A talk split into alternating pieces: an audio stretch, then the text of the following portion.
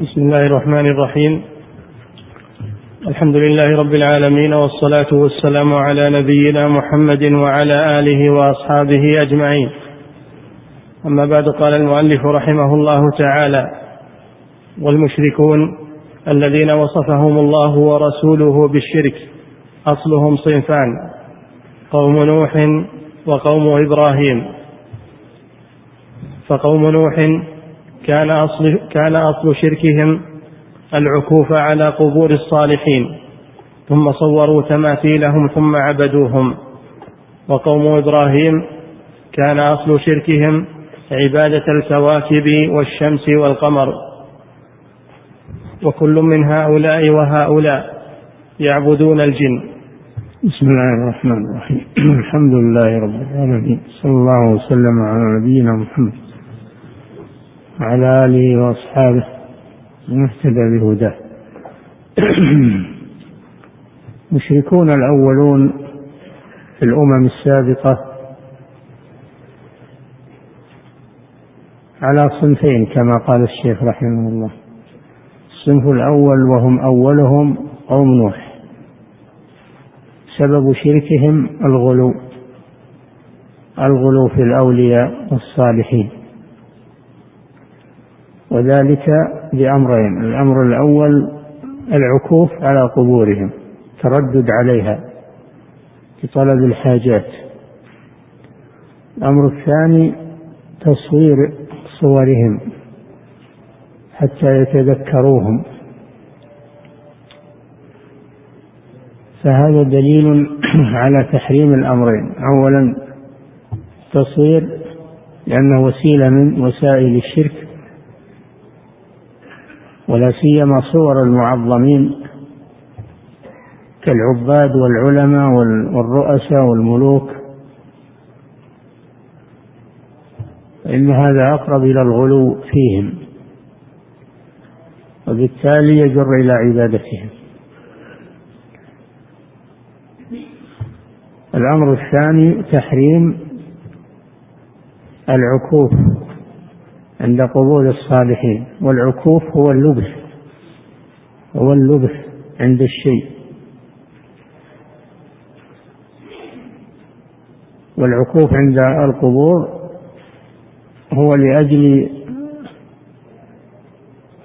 الظن أنها تنفع وتضر وتمنح البركة كما يفعله القبورية من ترددهم على قبور الصالحين وجلوسهم عندهم والطواف بقبورهم كل هذه مظاهر للشرك. حذر منها جميعا النبي صلى الله عليه وسلم.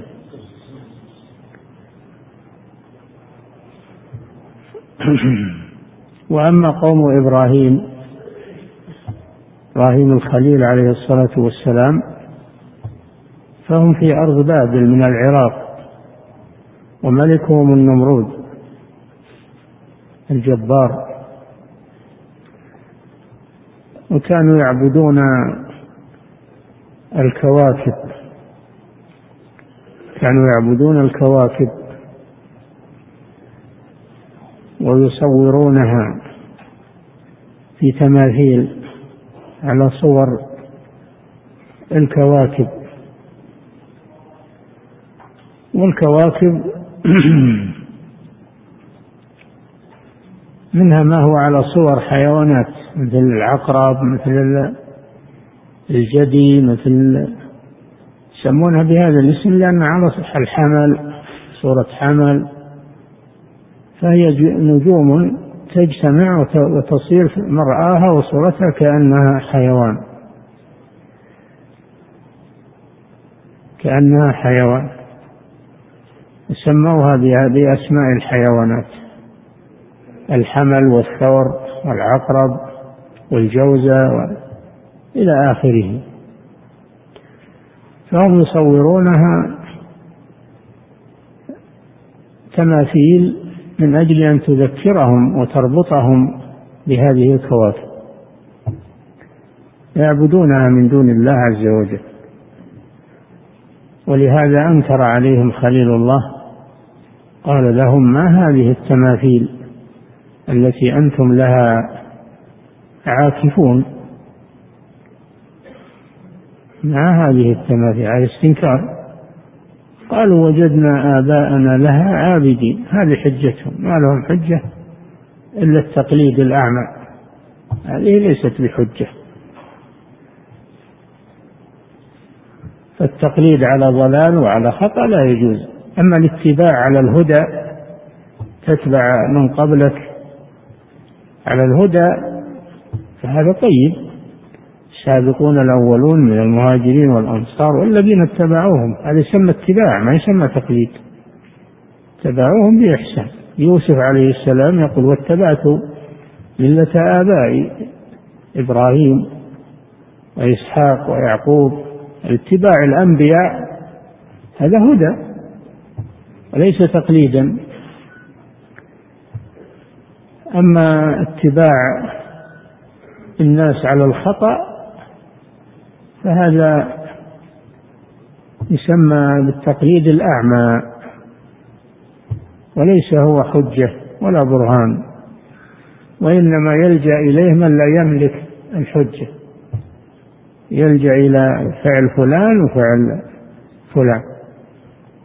ليس بحجة. إذا كان فعل فلان أو الجماعة الفلانية أو طائفة الفلانية مخالفا لما جاء في الكتاب والسنة ليس هذا بحجة.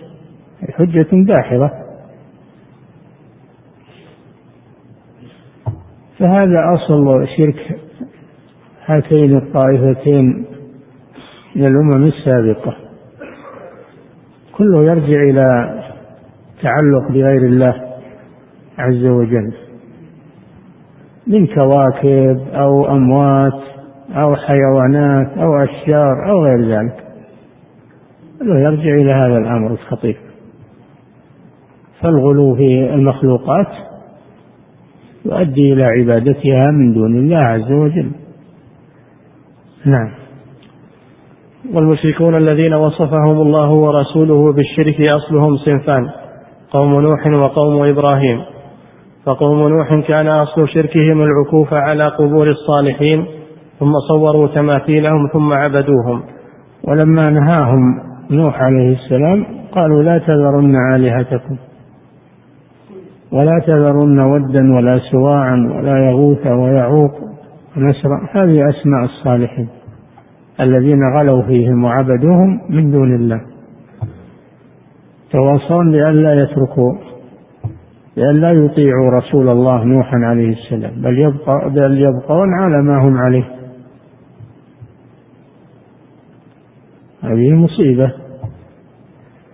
قوم إبراهيم لما أنكر عليهم ما لجئ ما وجدوا حجة إلا أنهم قالوا وجدنا آباءنا كذلك يفعلون. فلما أغرقهم بالحجة وأفحمهم قالوا حرقوه. لجأوا إلى القوة. حرقوه وانصروا آلهتكم. كنتم فاعلين. لجأوا إلى القوة والتهديد. وهذا لا ينفع شيئا أبدا. الحق لا يقاوم أبدا. الحق يغلب ولا يغلب أبدا. فلذلك اندحر هؤلاء ونصر الله رسله وصارت العاقبة للمتقين. نعم. وقوم إبراهيم كان أصل شركهم عبادة القبور والشمس والقمر. نعم. عبادة الكواكب والشمس والقمر. وكل من هؤلاء وهؤلاء يعبدون الجن. فإن الشياطين قد تخاطبهم وتقيم. في الحقيقة هؤلاء المشركون إنما يعبدون الشيطان هو الذي أمرهم بذلك. فعبادتهم لا تصل إلى الصالحين ولا إلى الكواكب ولا إلى المخلوقات لا تصل إليهم. بل لا يسمعونها ولا يقدرون على الإجابة. قل ادعوا الذين زعمتم من دون الله لا يملكون. قال ذرة في السماوات ولا في الأرض ما لهم فيهما من شرك. وما له منهم من ظهير ولا تنفع الشفاعة عنده إلا لمن أذن له. وفي الآية الأخرى إن تدعوهم لا يسمعوا دعاءكم ولو سمعوا ما استجابوا لكم ويوم القيامة يكفرون بشرككم. فهم لم يعبدوا هذه المخلوقات على الحقيقة وإن كانوا عبدوها في الصورة والظاهر. وإنما الحقيقة أنهم كانوا يعبدون الشياطين. فالذين يعبدون الرسل أو الملائكة أو الصالحين لا يعبدونهم في الحقيقة ولا تصل عبادتهم إليهم. وإنما هذا عبادة للشيطان. ولهذا قال تعالى ويوم يحشرهم جميعا. ثم يقول للملائكة أهؤلاء إياكم كانوا يعبدون؟ قالوا سبحانك أنت ولينا من دونهم بل كانوا يعبدون الجن يعني الشياطين. أكثرهم بهم مؤمنون. يعبدون الجن يعني الشياطين. فعبادة المشركين في الحقيقة إنما هي عبادة للشيطان الذي يأمرهم بذلك. وأما المخلوقات التي تعبد فمنها من ينكر هذا كالملائكة والرسل والأنبياء والصالحون ينكرون هذا ولا يقرونه. والحقيقة أن هذا أمر باطل. ولا تصل عبادتهم إلى ما إلى ما ظنوا أنه ينفعهم ويضرهم وإنما هذا تعلق بالشيطان الذي أمرهم بذلك. ولهذا يقول جل وعلا ألم أعهد إليكم يا بني آدم ألا تعبدوا الشيطان؟ إنه لكم عدو مبين وأن اعبدوني فالشرك في الحقيقة إنما هو عبادة للشيطان وليس المراد بشيطان الجن فقط بل حتى شياطين الإنس حتى شياطين الإنس ودعاة الضلال. الذي يطيعهم يعبدهم. الذي يطيعهم في عبادة القبور والأضرحة يعبد شياطين الإنس. الذين هم فرع عن شياطين الجن. نعم. وكل من هؤلاء وهؤلاء يعبدون الجن. نعم. فإن الشياطين قد تخاطبهم وتعينهم على أشياء. وقد يعتقدون أنهم يعبدون الملائكة. وإن كانوا في الحقيقة إنما يعبدون الجن فإن الجن هم الذين يعينونهم ويرضون بشركهم. قال الله تعالى ويوم يحشرهم جميعا ثم يقول للملائكة أهؤلاء إياكم كانوا يعبدون؟ قالوا سبحانك أنت ولينا من دونهم بل كانوا يعبدون الجن أكثرهم بهم مؤمنون. نعم. والملائكة لا تعينهم على الشرك لا في المحيا ولا في الممات ولا يرضون بذلك. قد يفتنون والعياذ بالله. قد يفتن هؤلاء المشركون فيتبدى لهم الشيطان أو الشياطين في صور من يعبدونهم. في صورة الولي الفلاني أو أو الرسول أو غيره يظهرون لهم بصور ويأمرونهم وينهونهم وقد يقضون حوائجهم وقد يطيرون بهم في الهواء. حجة أن, هذه كرامة الشيخ كرامة الولي وهم شياطين يتلاعبون ببني ببني آدم. يتنبه لهذا أن هؤلاء الذين يتراءون عند القبور قد يراهم عبدة القبور أنهم شياطين يظهرون في صور هؤلاء المدعوين. ليضلوهم ويفتنوهم عن دينهم.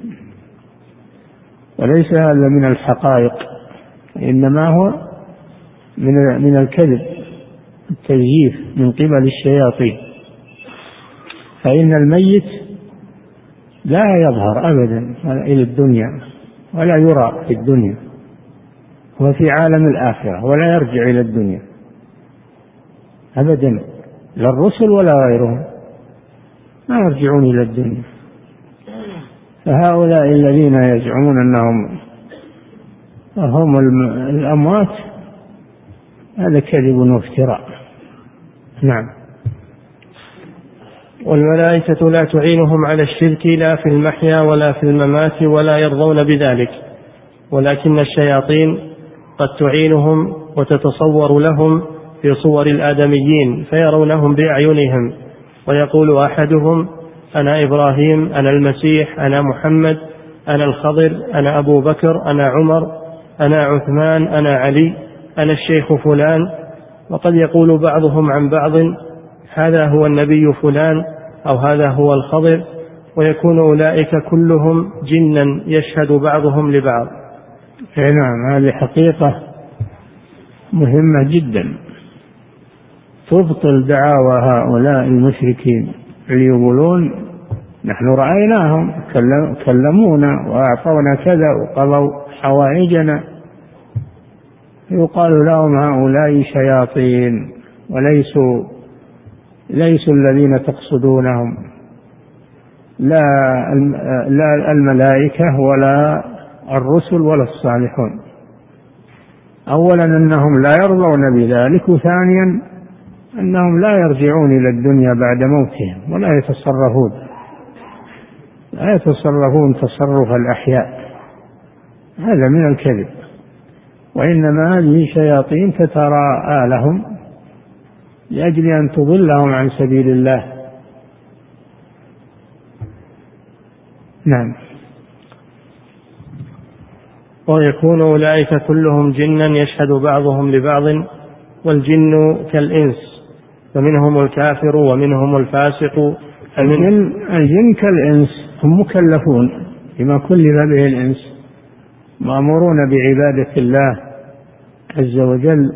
فمنهم من أطاع وآمن وصار صالحا ومنهم من عصى وصار كافرا أو فاسقا أو ضالا كما قال تعالى عنهم وأنا منا الصالحون ومنا دون ذلك. وأنا منا المسلمون ومنا القاسطون. فهم أصناف كالإنس تماما. فأما المؤمنون من الجن فلا يمكن أن أن يغشوا الإنس إخوانهم من الإنس أبدا. المؤمنون من الجن لا يمكن أن يغشوا إخوانهم من الإنس. وإنما يأبون ذلك. وإنما الذي يغشون هم المردة من الجن. الكفرة والفسقة هم الذين يغشون الإنس. نعم. والجن كالإنس فمنهم الكافر ومنهم الفاسق ومنهم العاصي وفيهم الجاهل العابد. نعم. منهم الكافر الخارج عن ديانات الأنبياء ومنهم الفاسق وهو المؤمن الذي عنده نقص في إيمانه سبب معصية من المعاصي ومنهم العاصي الذي دون الفاسق كما هذا عند الإنس. الإنس منهم الكافر ومنهم الفاسق ومنهم العاصي. الجن كذلك. إنا منا الصالحون ومنا دون ذلك. نعم. وأنا منا المسلمون ومنا القاسطون فمن أسلم فأولئك تحروا رشدا. وأما القاسطون وهم الجائرون الظالمون فكانوا لجهنم حطبا نعم. وفيهم الجاهل العابد فمنهم وفيهم أيضا من هو عابد؟ عابد مجتهد لكنه جاهل. والجهل آفة. فإذا كان يعبد الله على جهل هذه طريقة أهل الضلال من النصارى وغيرهم. إنما يكون العابد على حق إذا كان عبادته على علم على فقه في دين الله عز وجل. نعم. وفيهم الجاهل العابد فمنهم من يحب شيخا فيتزيا في صورته ويقول أنا فلان ويكون ذلك في برية ومكان قفر فيطعم ذلك الشخص طعاما ويسقيه شرابا أو يدله على الطريق أو يخبره ببعض الأمور الواقعة الغائبة. فيظن ذلك الرجل أن نفس الشيخ الميت أو الحي فعل ذلك. نعم وهذه هذه فتنة أيضا. قد يكون الإنسي محتاجا لأنه في برية أو عطشان أو جائع أو ضال الطريق. فيستغل الجن هذه الحالة فيتراءى له ويقول أنا الشيخ فلان. وهذا طعام وهذا شراب لأن الجن عندهم مقدرة ليست عند الإنس يحضرون الأشياء البعيدة ويطيرون في الهواء. ليسوا كالإنس. ويحضر له طعاما وشرابا. ويقول أنا الشيخ الفلاني لأجل أن يغره وهو ليس شيخا وإنما هو شيطان. أو يدله على الطريق. إنه ضايع يدله على الطريق. يقول أنا الشيخ فلان لأجل أن يفتنه. هذا كذب وافتراء. ولا يغتر به. ما يغتر بهذه الأمور إلا الجاهل. أما المؤمن فإنه لا يغتر بهذه الأمور. نعم. أو يخبره ببعض الأمور الواقعة الغائبة. أو يخبره عن شيء من الأمور الغائبة. لأن الجن يطلع على ما لا يطلع عليه الإنسي لا أنه يعلم الغيب. هذا بالنسبة له ليس غيبا هذا اطلع عليه. لكنه في مكان بعيد والجن عنده قدرة أنه يأتي بسرعة ويطير في الهواء فيأتي بأشياء ما يطلع عليها الإنسي فيفتتن الإنسي به. ولا يقول أنا جني أو أنا شيطان يقول أنا فلان أنا الشيخ فلان. أجل أن يغره ويخدعه بذلك. لأن أغش شيء لبني آدم هم الشياطين. وأنصح شيء لبني آدم هم الملائكة عليهم السلام. نعم. فيظن ذلك الرجل أن نفس الشيخ الميت أو الحي فعل ذلك وقد يقول يقول مثلا أنا أجري من أن الشيخ ما يخرج من القبر. يقول هذا الإنسي المسكين أنا أدري أن الشيخ ما يخرج من القبر ولا يجي هنا لكن هذا سره هذا سر سر الشيخ وهذه حال الشيخ فيأتيه من هذا الباب من هذا الباب. والشيخ ليس له حال وليس له سر وليس له طيف إنما هذا من الشياطين. نعم.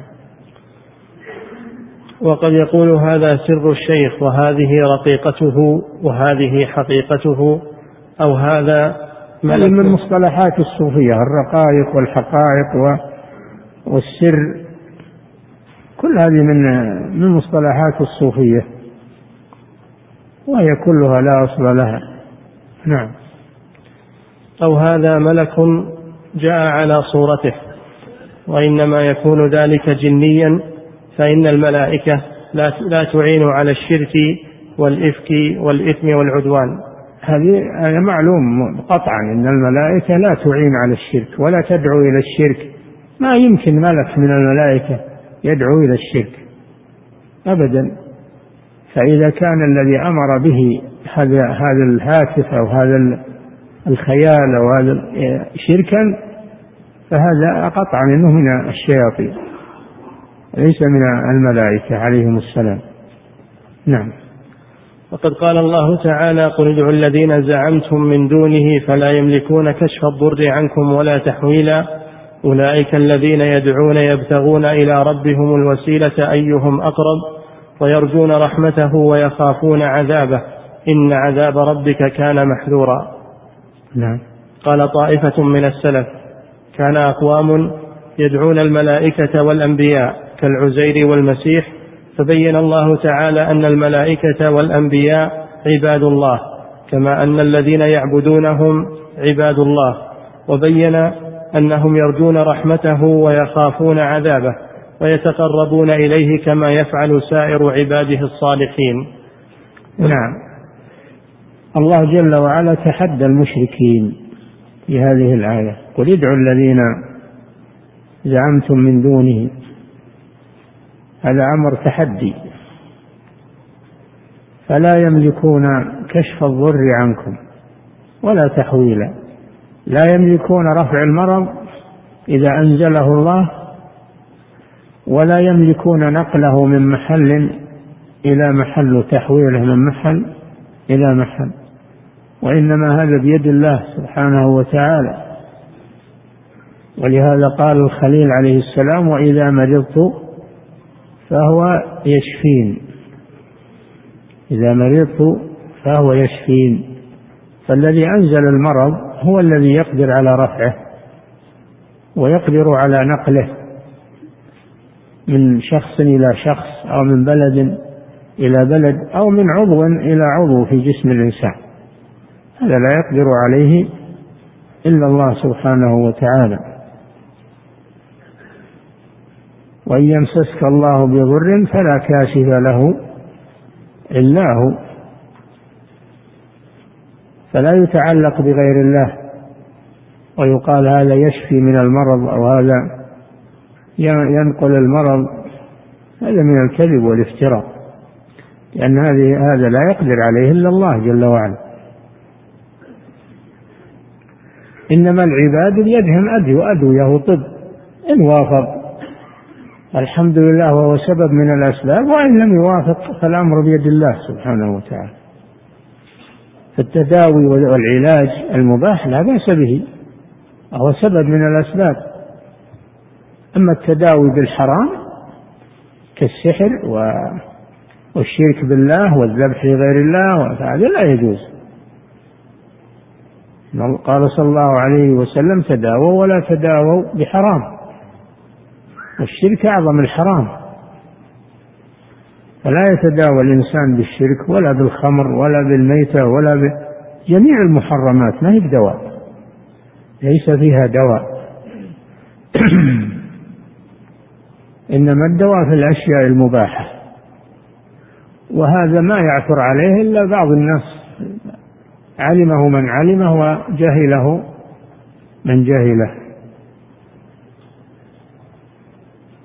فلا قل ادعوا الذين زعمتم من دونه فلا يملكون كشف الضر عنكم ولا تحويلا ما أجابوا؟ قالوا لا يملكون. وهذا فلان سوى كذا. ما ما أجابوا عن هذا. دل على بطلان حجتهم. ثم قال جل وعلا أولئك الذين يدعون أولئك الذين يدعوهم هؤلاء المشركون من الملائكة أو من الأنبياء كالمسيح وأمه مريم وعزير عند اليهود. هؤلاء عباد لله جل وعلا وإن كان اليهود والنصارى يدعونهم من دون الله ويغلون في حقهم وقالت اليهود عزير ابن الله قالت النصارى المسيح ابن الله. ذلك قولهم بأفواههم. فالعزير وعيسى ومريم والملائكة كلهم عباد لله. فكيف يدعون وهم عباد؟ كيف يعبدون وهم عباد؟ وأيضا هم يدعون الله. أولئك الذين يدعون يبتغون إلى ربهم الوسيلة هي القرب منه سبحانه. فعزير وعيسى ومريم كلهم تقربون إلى الله بالعبادة. أولئك الذين يدعون يبتغون إلى ربهم الوسيلة أيهم أقرب؟ ويرجون رحمته ويخافون عذابه. دل على أنهم عباد ليس لهم من الأمر شيء. وأن عبادتهم باطلة أنهم لا يملكون شيئا. فالقرآن العظيم فيه الحجج الدامغة في رد الشرك وإبطاله. ولكن أين من يفهم؟ إلا من رحم الله عز وجل. وإلا فيه الحجج الدامغة التي تدمغ الباطل. بل نقذف بالحق على الباطل فيدمغه. فإذا هو زاهق قل جاء الحق وزهق الباطل. إن الباطل كان زهوقا. نعم. والوسيلة ليس المراد بها ما يفهمه المشركون أنه تجعل بينك وبين الله واسطة من الخلق. الوسيلة هي الطاعة العبادة هي الوسيلة. اتقوا الله وابتغوا إليه الوسيلة أي الطاعة والقرب منه سبحانه وتعالى. فالذي يقرب إلى الله هو العمل الصالح وليس الذي يقرب إليه الأشخاص والوسائط. نعم. والمشركون من هؤلاء قد يقولون إنا نستشفع بهم أي نطلب من الملائكة والأنبياء أن يشفعوا. يقولون نحن نعلم أنهم لا يملكون. حنا وافقنا أنهم ما يملكون الضر ولا والنفع ولا يكشفون الضر ولا يحولونه ولا نسلم بهذا. لكن هم صالحون ونحن مذنبون. ونريد من هؤلاء الصالحين أن يتوسطوا لنا عند الله. يتوسطون لنا عند الله ويشفعون لنا عند الله. هل الله أمر بهذا؟ أين في القرآن أو في السنة أن الله أمر بأن يتخذ الوسائط من الخلق بينهم وبين الله؟ الله فتح بابه للسائلين وقال من يدعوني فأستجيب له من يسألني فأعطيه ولم يقل في بواسطة فلان أو بشفاعة فلان. الله جل وعلا قريب مجيب غني كريم علام الغيوب لا يخفى عليه شيء ليس بحاجة إلى وسائط ولا دليل على ذلك لا من الكتاب ولا من السنة ولا من عمل السلف الصالح. أنه تتخذ وسائل من الخلق بين العباد وبين الله عز وجل. أبدا لا بالجاه ولا بالذات ولا بعمل فلان أو عمل فلان له هو بلك. كيف تتوسل إلى الله بعمل غيرك وصلاح غيرك؟ ما ما يغنيك شيء. كل له عمله تلك أمة قد خلت. لها ما كسبت ولكم ما كسبتم. ولا تسألون عما كانوا يعملون. فلا ينفع الإنسان إلا عمله لا ينفعه عمل غيره صلاح غيره أبدا. ومن أين لكم الدليل على أن الله أمركم أن تتخذوا وسائط بينكم وبينه بل لم يقتصر الأمر على هذا وهو أن يسأل الله بجاه فلان أو بحق فلان أو بذات فلان مع أن هذا منكر بدعة. لم يقتصر الأمر على ذلك بل صرفوا لهم العبادة. فاتخذوا هؤلاء الوسائط معبودين من دون الله يتقربون إليهم ويقولون ما نعبدهم إلا ليقربونا إلى الله زلفى.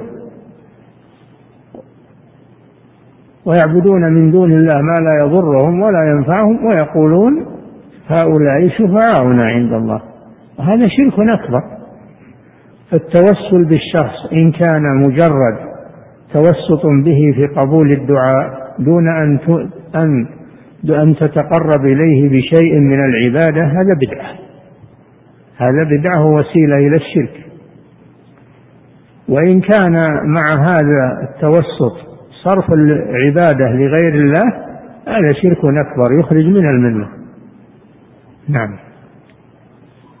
والمشركون من هؤلاء قد يقولون إنا نستشفع بهم أي نطلب من الملائكة والأنبياء أن يشفعوا فإذا أتينا قبر أحد طلبنا منه أن يشفع لنا فإذا صورنا تمثاله والتماثيل إما مجسدة وإما تماثيل مصورة كما يصورها النصارى في كنائسهم قالوا فمقصودنا بهذه التماثيل تذكر أصحابها وسيرهم ونحن نخاطب هذه التماثيل ومقصودنا خطاب أصحابها ليشفعوا لنا إلى الله.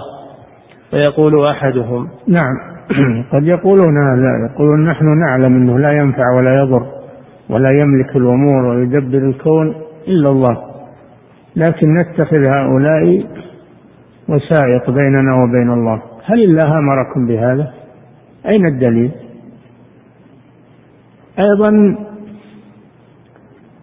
قد يؤول بهم الأمر إلى أشد من ذلك إلى أنهم يصورون صورهم ليتذكروا بها أحوالهم وينصبونها على قبورهم. كما فعل النصارى فإن إحدى أمهات المؤمنين ممن هاجر إلى الحبشة ورأت كنائس النصارى وما فيها من الصور. فقالت ذكرت ذلك لرسول الله صلى الله عليه وسلم. فقال صلى الله عليه وسلم أولئك إذا مات فيهم آه، الرجل الصالح أو العبد الصالح بنوا على قبره مسجدا وصوروا تلك الصور أولئك شرار الخلق عند الله عز وجل. ولا يزال هذا في النصارى فإذا دخلت الكنيسة تشاهد الصليب الصليب ممدود على الجدران. يزعمون إن هذه صورة المسيح عليه السلام وهو مصلوب على الخشبة بعدما قتل ويرفعونه في كنائسهم أو يصورون رسم يرسمون صورة المسيح أو صورة العذراء في كنائسهم. لا يزال هذا عندهم.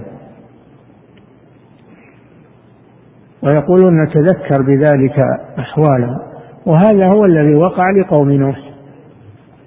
الخط واحد الشيطان خطه واحد مع الأولين ومع ومع الآخرين والعياذ بالله. وقد لا تكون الصورة تمثالا قد تكون رسما قد تكون رسما باليد أو بالآلة الفوتوغرافية وتعلق من أجل التعظيم. والصورة المرسومة أو الملتقطة تسمى تمثالا فليس التمثال خاصا بالمبني أو المنحوت من الصور وهو ما تسمى بالصور المجسمة ليس ذلك بل هو يعم أيضا الصورة ولو كانت على ورق أو على لوحة بدليل أن النبي صلى الله عليه وسلم لما رأى نمرقة على الجدار فيها تماثيل. تماثيل يعني صور مرسومة.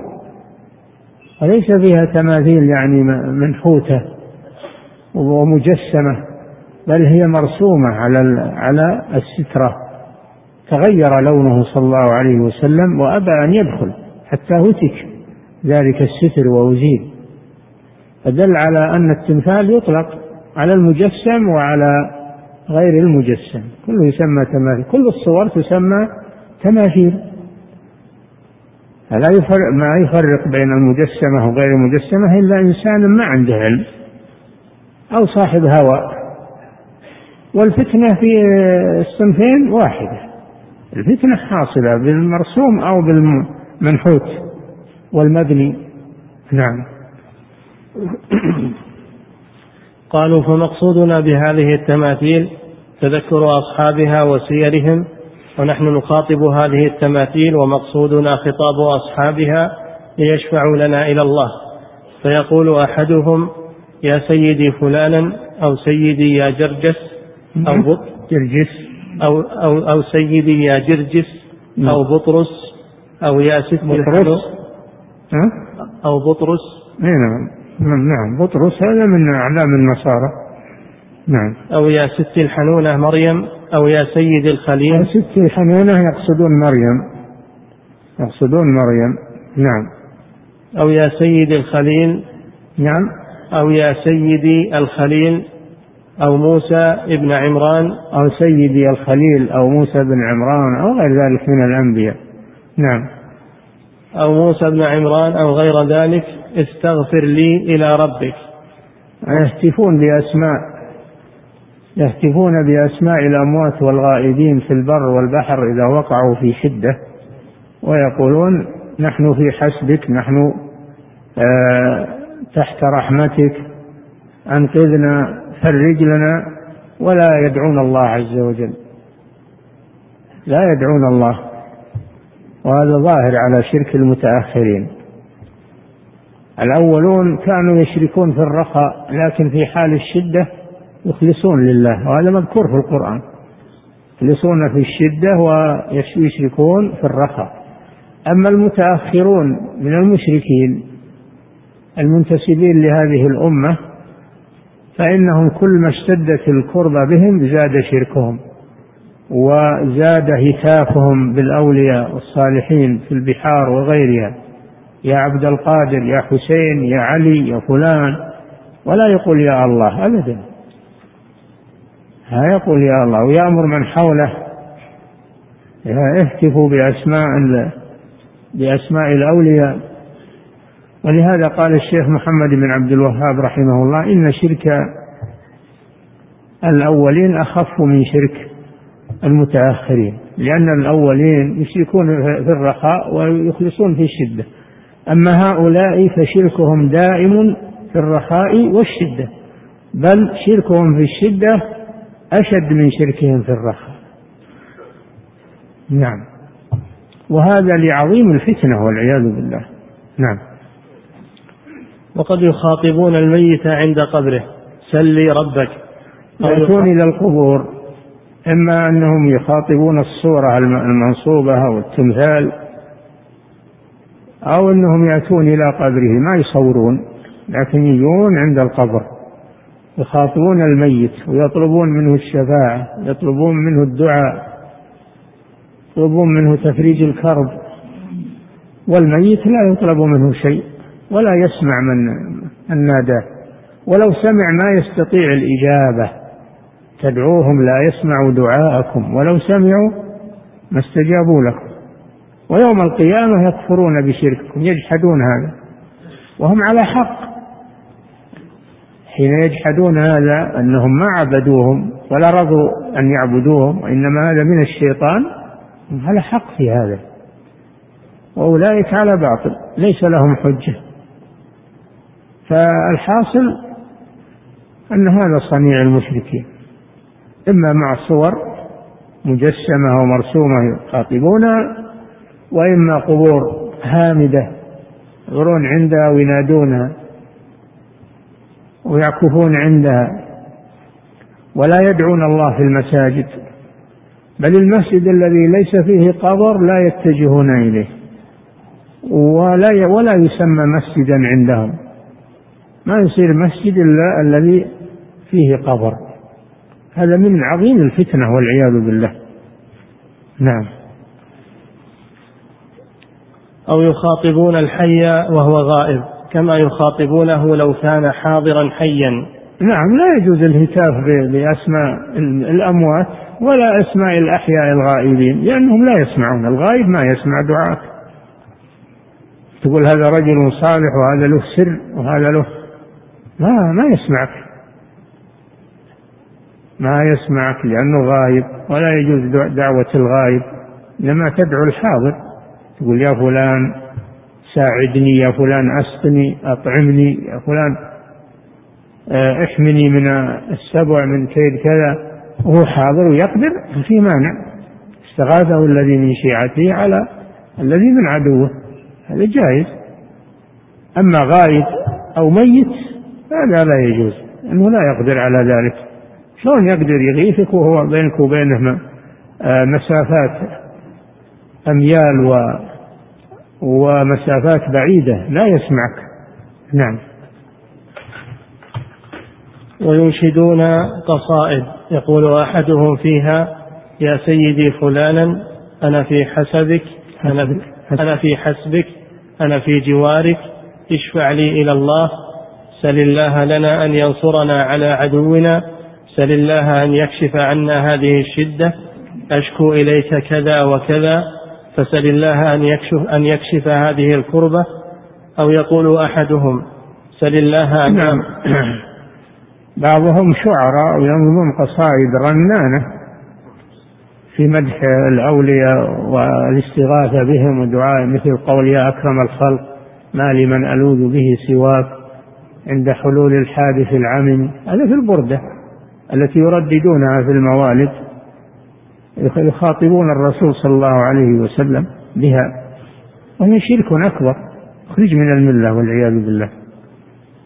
وكذلك فيه فيه قصائد من هذا النوع كثيرة للمشركين. عباد القبور يشيدون فيها بالشرك وعمل الشرك. ليغروا بذلك السذج والعوام. قد تكون هذه القصائد من الشعر من الشعر الجيد والشعر المغري بقراءته مثل البردة فيتأثر بها الإنسان الجاهل والغر. وهذا من خداع الشيطان في زخرف القول تزيين لباطله والحق قد يعتريه سوء تعبيري. نعم. أو يقول أحدهم سل الله أن يغفر لي. طيب لماذا لا تسأل الله أنت؟ ليش تلف تقول يا ميت اسأل الله أن يغفر لي. هذا من الانتكاس والعياذ بالله. الميت العاجز اللي ما يقدر لنفسه ما يقدر يعمل لنفسه شيء تطلب منه أنه يستغفر لك ويدعو لك. لماذا لا تستغفر الله أنت؟ تدعو الله أنت مباشرة. نعم. أو يقول أحدهم سل الله أن يغفر لي ومنهم من يتأول قوله تعالى ولو أنهم إذ ظلموا أنفسهم جاءوك فاستغفروا الله واستغفر لهم الرسول لوجدوا الله توابا رحيما. ويقولون نعم. ربما يستدلون بهذه الآية ولو أنهم ظلموا أنفسهم جاءوك استغفروا الله واستغفر لهم الرسول. ويظنون أن هذه في حال وفاة الرسول صلى الله عليه وسلم مع أن الآية في حياة الرسول صلى الله عليه وسلم. نزلت في قصة وهي أن قوما أرادوا التحاكم إلى إلى الطاغوت وترك التحاكم إلى الرسول صلى الله عليه وسلم. فالله فضحهم الله جل وعلا فضحهم. ألم تر إلى الذين يزعمون أنهم آمنوا بما أنزل إليك وما أنزل من قبلك يريدون أن يتحاكموا إلى الطاغوت وقد أمروا أن يكفروا به ويريد الشيطان أن يضلهم ضلالا بعيدا. إلى قوله تعالى ولو أنهم ظلموا أنفسهم لما حصلت منهم هذه الخطيئة تابوا إلى الله تاب الله عليهم ظلموا أنفسهم بالشرك والكفر جاءوك بالشرك والكفر والإساءة إلى النبي صلى الله عليه وسلم حيث تعدوه لتحكيم غيره. هذا التنقص لقدر الرسول صلى الله عليه وسلم. واتهام له بأنه لا لا ينصف ولا يعدل. إذ ظلموا أنفسهم جاءوك فاستغفروا الله مما أشركوا ومن واستغفر لهم الرسول لأن الرسول مجاب الدعوة. لوجدوا الله توابا رحيما. هذا في حياة الرسول صلى الله عليه وسلم. لكن هؤلاء حوروا الآية إلى أنها تمتد إلى بعد وفاة الرسول صلى الله عليه وسلم. يا سبحان الله هل كان الصحابة يذهبون إلى قبر الرسول صلى الله عليه وسلم؟ عندما تلم بهم الملمات عندما يستسقون عندما تحصل عليهم الشدائد هل كانوا يذهبون إلى قبر الرسول وهم ما بينهم وبينه إلا أذرع؟ ما كانوا يفعلون هذا. لعلمهم أن هذا لا يجوز هذا غير مشروع. وإنما كانوا يتجهون إلى الله جل وعلا يتجهون إلى الله بالدعاء والتضرع حتى يفرج الله ما بهم. ما كانوا يذهبون إلى قبر الرسول عند الشدائد والملمات. بل كانوا يتوجهون إلى الله جل وعلا. وإذا أرادوا طلب الدعاء يطلبونه من حي من حي حاضر معهم كما طلب آه، عمر رضي الله عنه من العباس عم الرسول صلى الله عليه وسلم أن يستسقي لهم ولم يذهب إلى قبر الرسول وما بينه وبينه إلا أمتار ما راح لقبر الرسول وقال يا رسول الله ادعوا الله لنا. كانوا يقولون هذا للرسول في حياته إذا أجدبوا لكن لما مات عدلوا عن هذا إلى الأحياء إلى العباس عم الرسول صلى الله عليه وسلم وقال اللهم إنا كنا آه، نتوسل إليك بنبيك فتسقينا وإننا الآن نتوسل بعم نبيك فاسقنا. فيسقون. وهم أفقه الأمة. ولو كان الذهاب إلى قبر الرسول جائزا بعد موته لفعله الصحابة رضي الله عنهم في الشدائد. فالآية إنما هي في حياة الرسول. جاءوك يعني جاءوا ما قال جاءوا إلى قبرك؟ قال جاءوك خطاب للرسول جاءوه وهو حي عليه الصلاة والسلام. طلبوا منه المسامحة عن الإساءة في حقه. وسامحهم الرسول ودعا لهم واستغفر لهم. كان هذا مشروعا. نعم. ويقولون إذا طلبنا منه الاستغفار بعد موته كنا بمنزلة الذين طلبوا الاستغفار من الصحابة. ويخالفون بذلك. هذا قياس قياس باطل. طلب الدعاء والاستغفار من الميت ليس مثل طلب الدعاء والاستغفار من الحي. الحي يقدر أن يدعو ويستغفر لمن طلب منه ذلك أما الميت فلا يقدر على على شيء من ذلك. ثانيا الصحابة ما فعلوا هذا ما فعلوا هذا مع قبر الرسول صلى الله عليه وسلم. وهم أعلم الأمة ما فعلوا هذا. نعم يعني أنتم أدركتم شيء لم يدركه الصحابة؟ أو أن الصحابة كانوا يتنقصون الرسول صلى الله عليه وسلم؟ وأنتم تعظمون الرسول وتذهبون إلى قبره؟ نعم. ويخالفون بذلك إجماع الصحابة والتابعين لهم بإحسان وسائر المسلمين. هذا هو الرد عليهم أن نقول هذا شيء لم يفعله الصحابة أجمعوا على تركه. وإجماعهم حجة قاطعة. نعم. فإن أحدا منهم فإن أحدا منهم لم يطلب من النبي صلى الله عليه وسلم بعد موته أن يشفع له ولا سأله شيئا ولا ذكر ذلك أحد من أئمة المسلمين في كتبهم وإنما ذكر ذلك من ذكر من متأخري الفقهاء. وحكوا ما ما فعل هذا بعد الصحابة أحد من الأئمة من العلماء. ما فعل هذا ولا ذكره عن غيره. كتبهم خالية من هذه الأمور.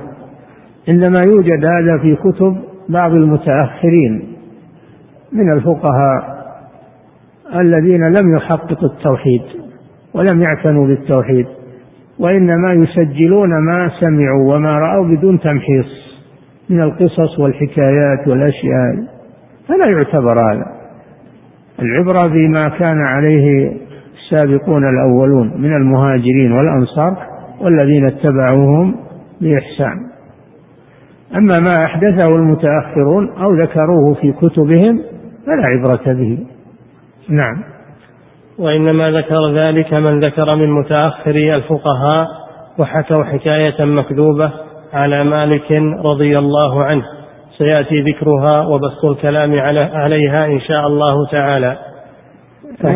ينسبون إلى مالك أنه سأله أبو جعفر المنصور هل يستغيث بالرسول صلى الله عليه وسلم؟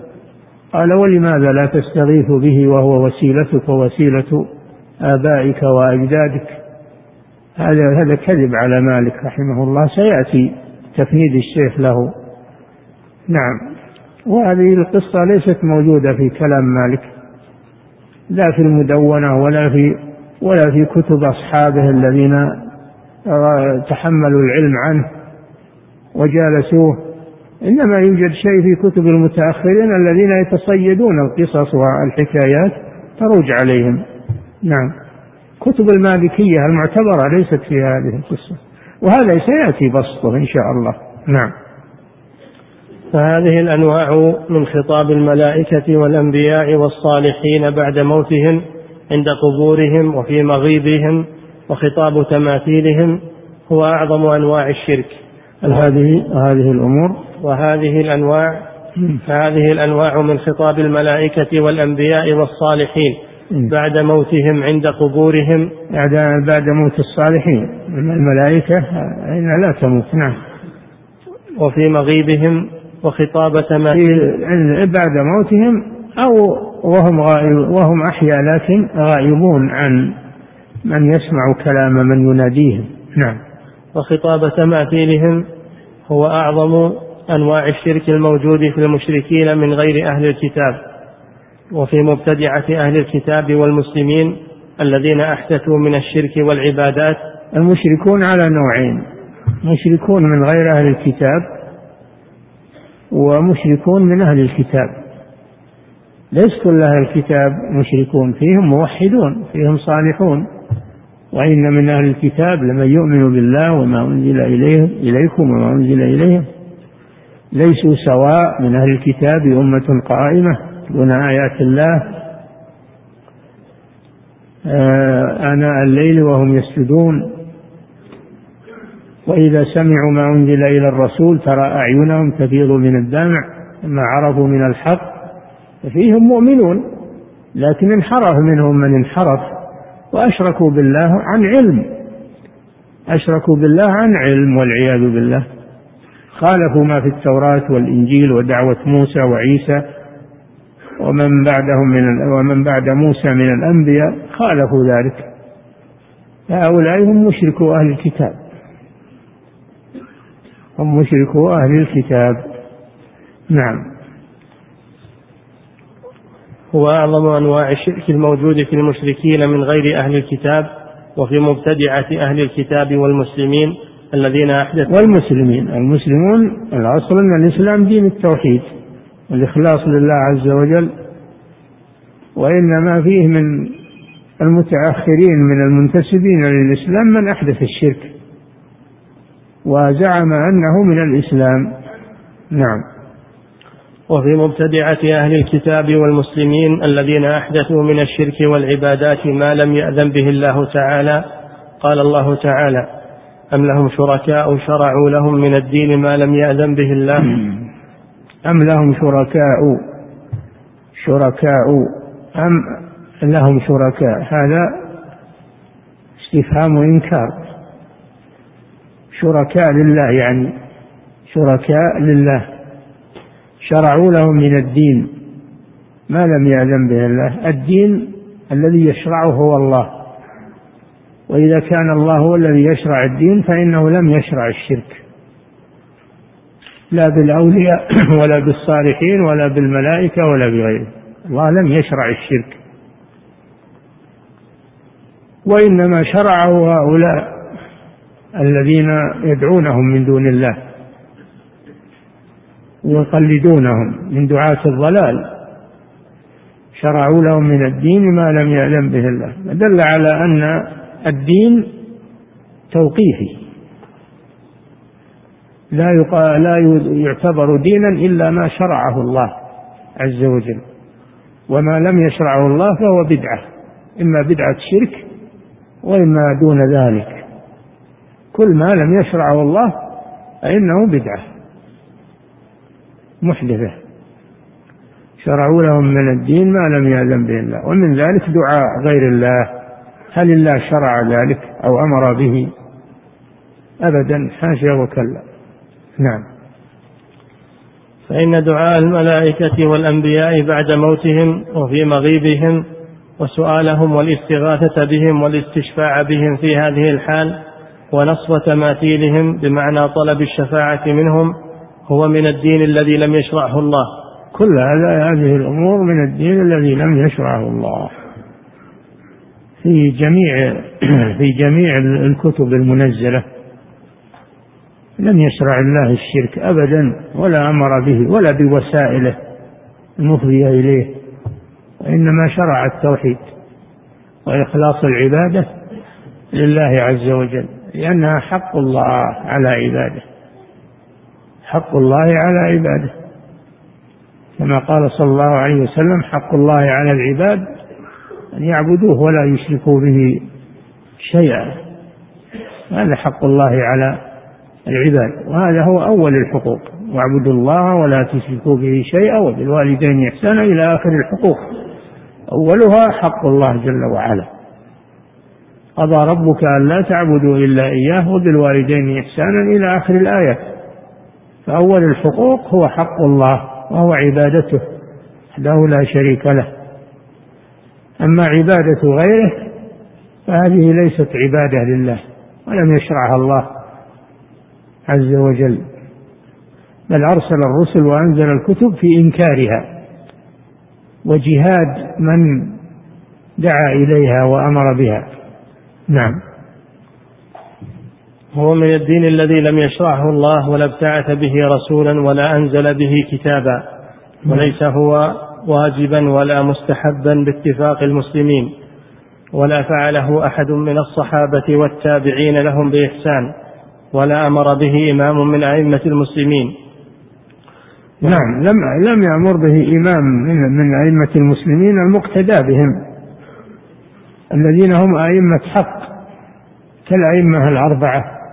ومن كان معاصرا لهم أو قبلهم أو من جاء بعدهم ممن سار على أثرهم لا تجد إماما معتبرا من أئمة المسلمين يسوغ الشرك أو يدعو إليه.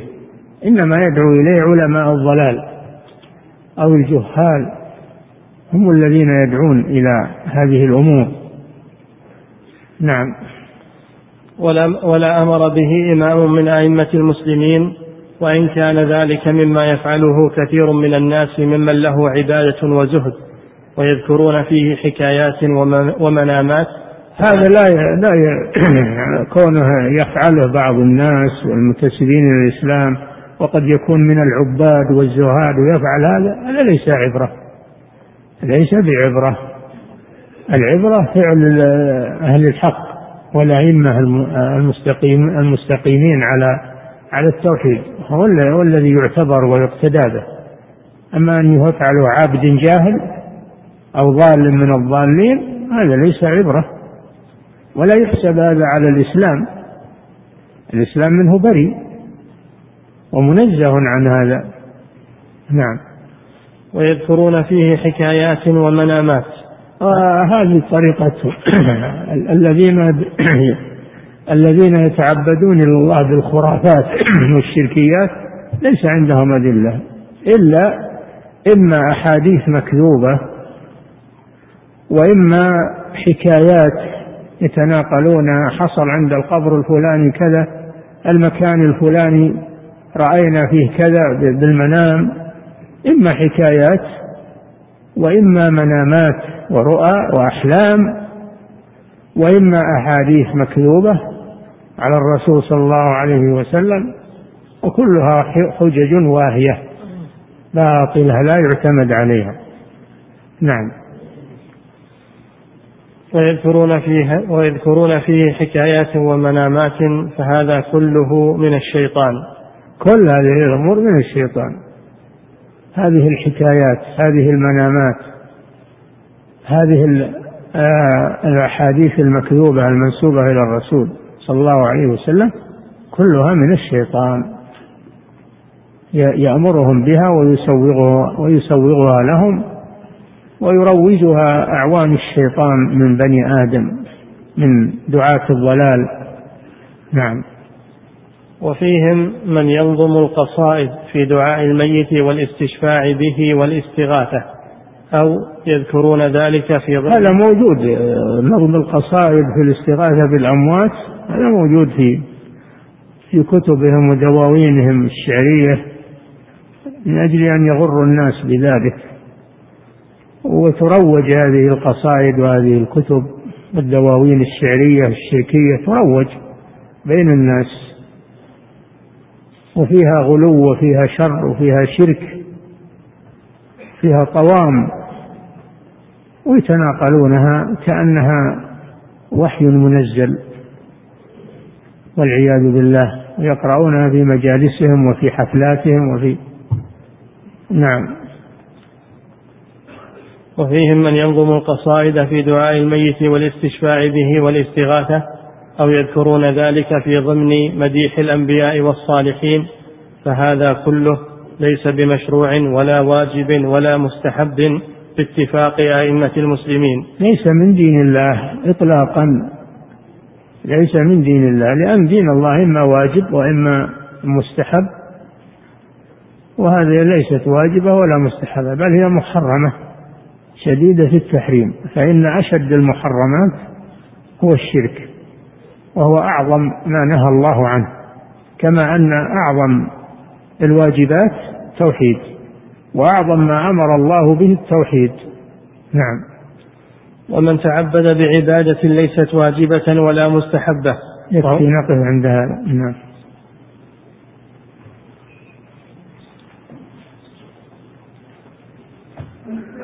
يقول فضيلة الشيخ وفقكم الله ما حكم من يسجد أمام الصنم؟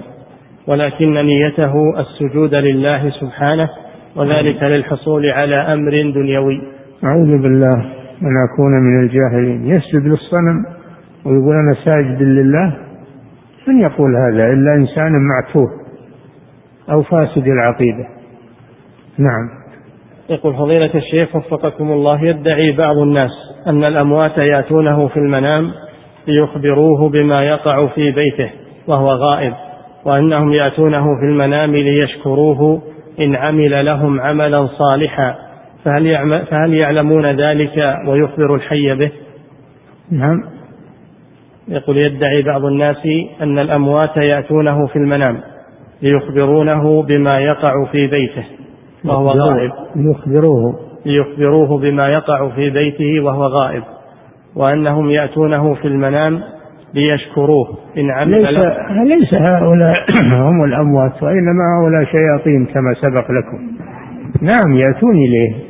في منامه أو حتى يراهم في اليقظة ويقول أنا فلان أو وكل هذا كذب هؤلاء شياطين. ليس الأموات لا يمكن أن يأتوا يرجعوا إلى الدنيا. الميت لا يأتي بالشرك ويأمر بالشرك وهو ميت أبدا. نعم.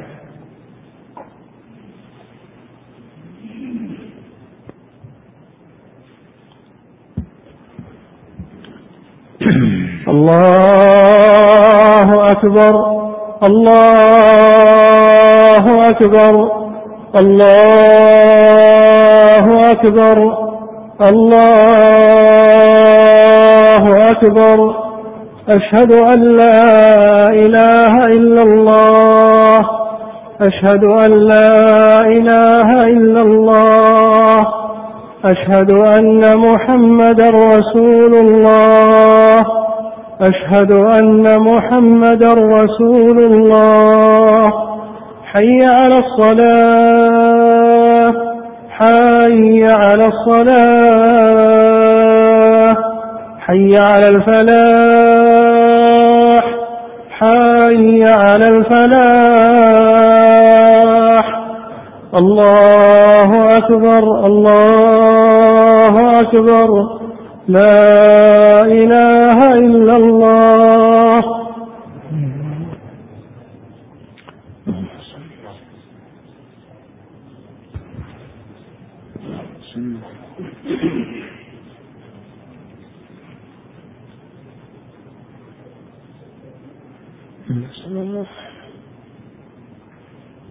نعم.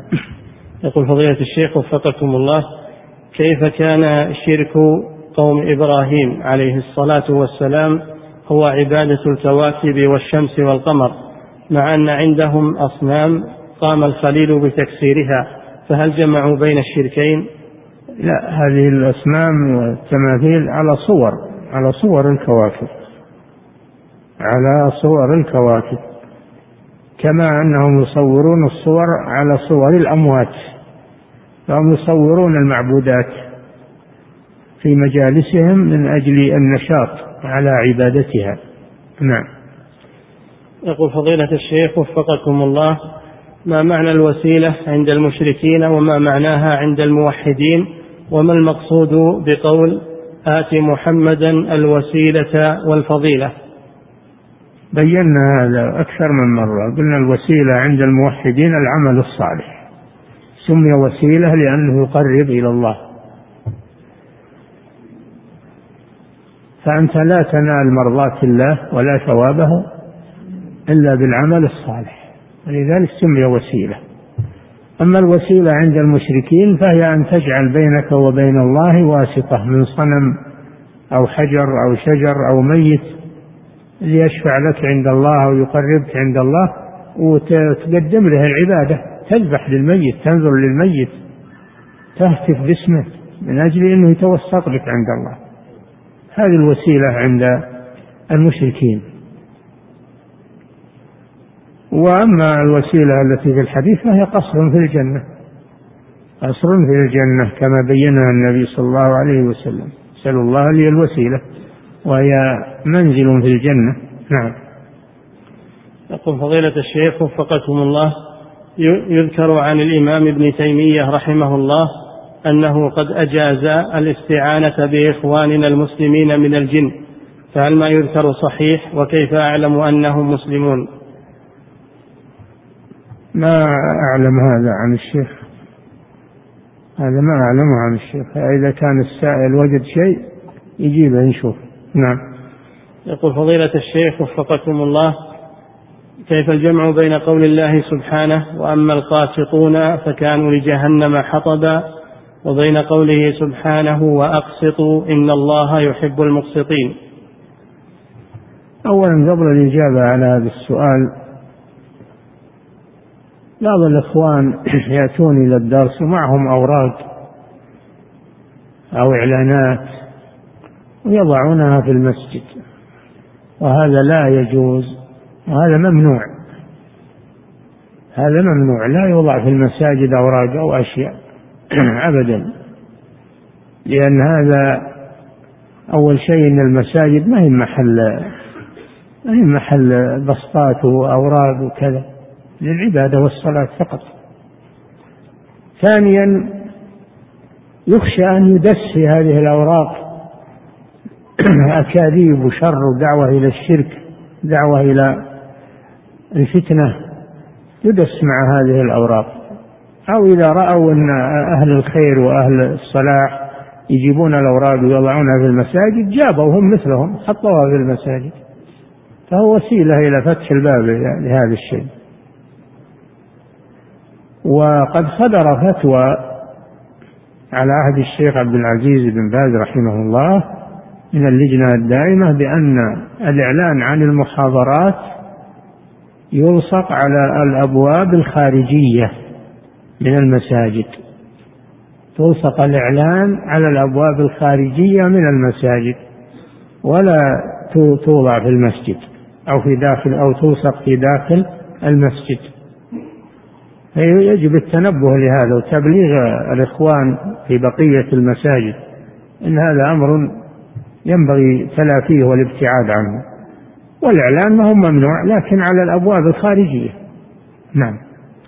يقول فضيلة الشيخ ما يقدر صاحب الشر أنه يلصق على الباب الخارجي؟ إذا أنك وضعت الإعلان على الباب الخارجي ما يصير هذا وسيلة إلى الدس. نعم. يقول فضيلة الشيخ وفقكم الله كيف نجمع بين قول الله سبحانه وأما القاسطون فكانوا لجهنم حطبا وبين قوله سبحانه وأقسطوا إن الله يحب المقسطين. يا أخي ما فهمت الله يهديك. في فرق بين القاسط والمقسط؟ مقسط هذا العادل والقاسط هذا الجائر. يحتاج إنك تدرس اللغة العربية. أنت العجيب إنك عربي ولا ولا تدري وش القاسط من المقسط راجع دواوين اللغة والقواميس و... نعم. يقول فضيلة الشيخ وفقكم الله هل يجوز مناداة الملائكة الحاضرة معه للاستعانة هل هل إيش؟ هل يجوز مناداة الملائكة الحاضرة معه للاستعانة بهم على قيام الليل. وش يدري عن الحاضرة معه؟ يشوفون مثل أن يقول يا ملائكة أيقظوني لقيام الليل. ما لا يجوز هذا. لا يجوز هذا. قيام الليل علم أمك تزعدك ولا أخوك ولا ركب جرس الساعة منبه. نعم. يقول فضيلة الشيخ وفقكم الله الجن الذين آمنوا بالرسول صلى الله عليه وسلم في عصره هل يطلق عليهم لفظ الصحبة كالإنس؟ الله أعلم. ما أدري. نعم. يقول فضيلة الشيخ وفقكم الله ورد ذكر الخضر عليه السلام في كلام شيخ الإسلام ابن تيمية رحمه الله فما هو الراجح فيه؟ هل هو نبي أو رجل صالح؟ وهل هو حي أم مات؟ أما أنه حي أو مات قطعا أنه ميت. والشيخ يعني أثبت أنه ميت في رسالة أنه ميت لا يمكن أن يكون حيا. الرسل ما بقوا فكيف يبقى الخبر هو ميت. كل نفس ذائقة ذائقة الموت. أما أنه نبي ولا ولي هذا محل خلاف. من العلماء من يقول أنه نبي لأن الأمور التي جرت على يده معجزات لا تجري إلا على يد نبي. ومنهم من يقول ليس نبيا وإنما هو عبد صالح. عبد صالح والذي جرى على يده هذه كرامات وليست معجزات. والله لم يسمه نبيا. الله لم يسمه نبيا. نعم. يقول فضيلة الشيخ وفقكم الله هناك من يقول إنه رأى الرسول لما آه لما سار موسى عليه السلام إلى مجمع البحرين و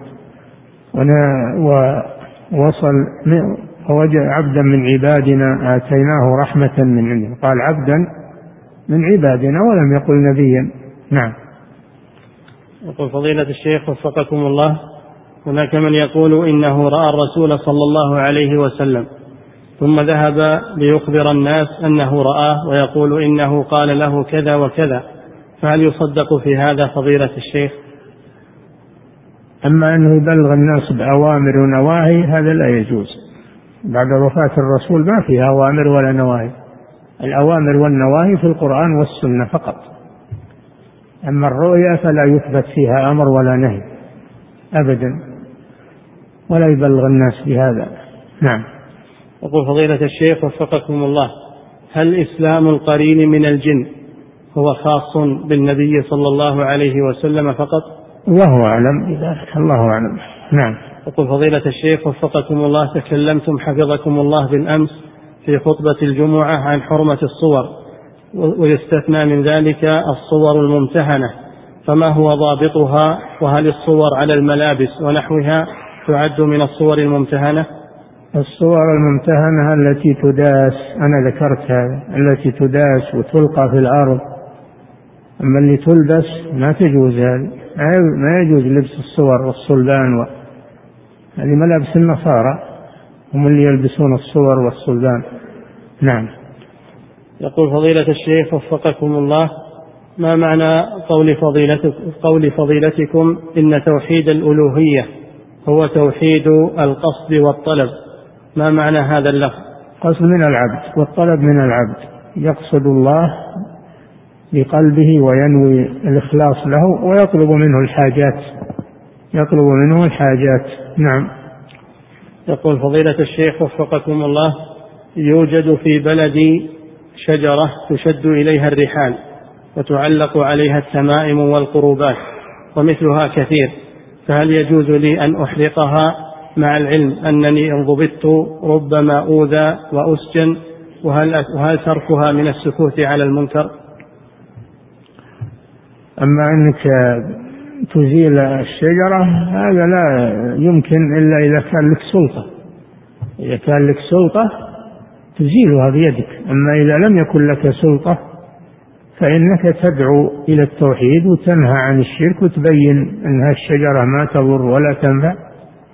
فإن قبل منك الحمد لله وإن لم يقبل فأنت أديت الذي عليك. عليك بالدعوة إلى الله. وأما إزالتها هذا يحتاج إلى سلطة. نعم.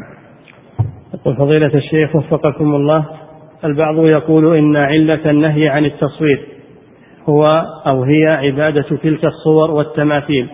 أما اليوم فقد انتفت العلة فلذلك يجوز التصوير فما الجواب عن ذلك؟ من اللي نفى العلة هذه؟ العلة باقية إلى أن تقوم الساعة والفتنة كل ما تأخر الزمان وفشل الجهل تشتد الفتنة بهذا. وكيف يقول الكلام هذا ويشوف عباد القبور والأضرحة والمتعلقين بالآثار والتبرك بها كيف يقول الكلام هذا؟ هذا ما ما هو صحيح.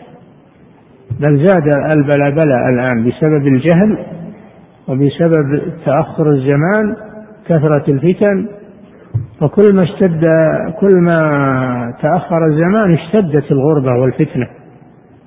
نعم. هذا كلام باطل. قوله إنه انتهى هذا كلام باطل. نعم.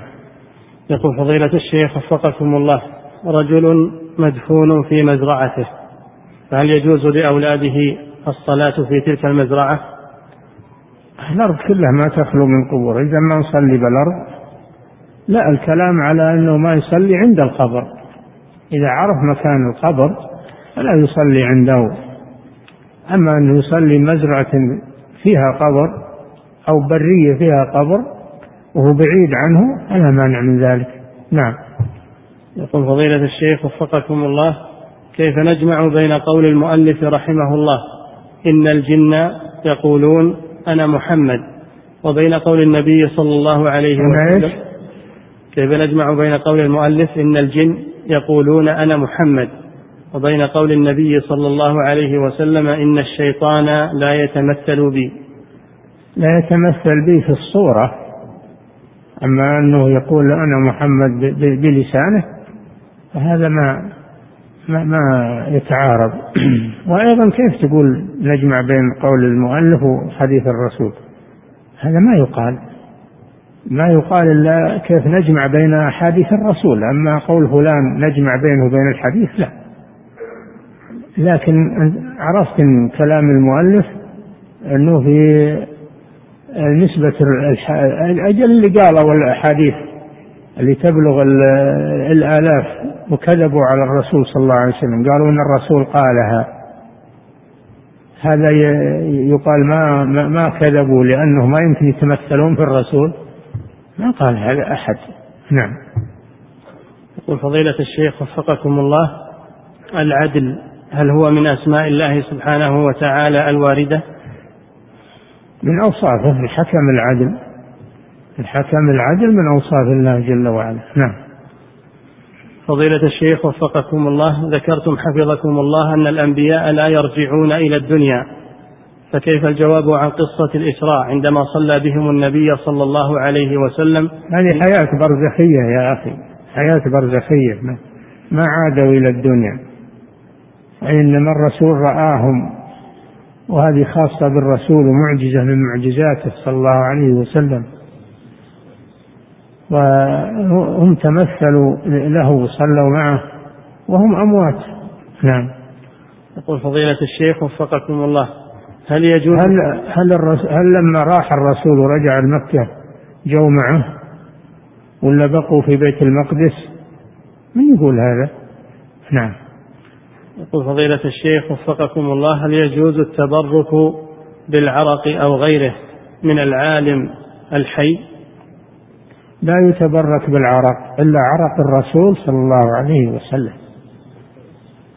العرق والريق والشعر هذا خاص بالرسول صلى الله عليه وسلم وفضل الوضوء هذا خاص بالرسول صلى الله عليه وسلم أما غيره فلا.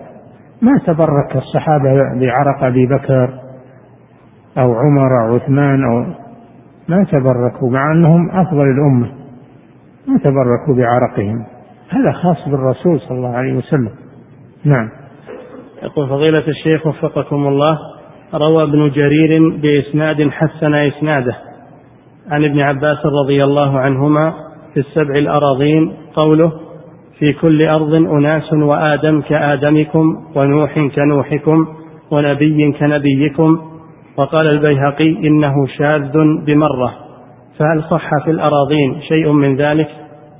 الله أعلم. أقول الله أعلم أنت عندك العالم اللي عندك تعامل معهم. أما اللي بالأراضين اللي الأخرى خلهم إلى الله عز وجل. نعم. يقول فضيلة الشيخ وفقكم الله إذا دخل الرجل مع جماعة في صلاة العشاء في الركعة الثانية وهو يريد أن يصلي المغرب. إذا, إذا دخل إذا دخل الرجل مع جماعة في صلاة العشاء في الركعة الثانية وهو يريد أن يصلي المغرب فكيف تكون صلاته معهم مع العلم أنه لم يعلم أنهم يصلون العشاء مسبقا؟ المهم أنه يصلي ثلاث. المهم أنه يصلي ثلاث سواء أدرك الرباعية من أولها أو من آخرها يصلي المغرب ثلاثا. نعم. الله تعالى أعلم وصلى الله وسلم على نبينا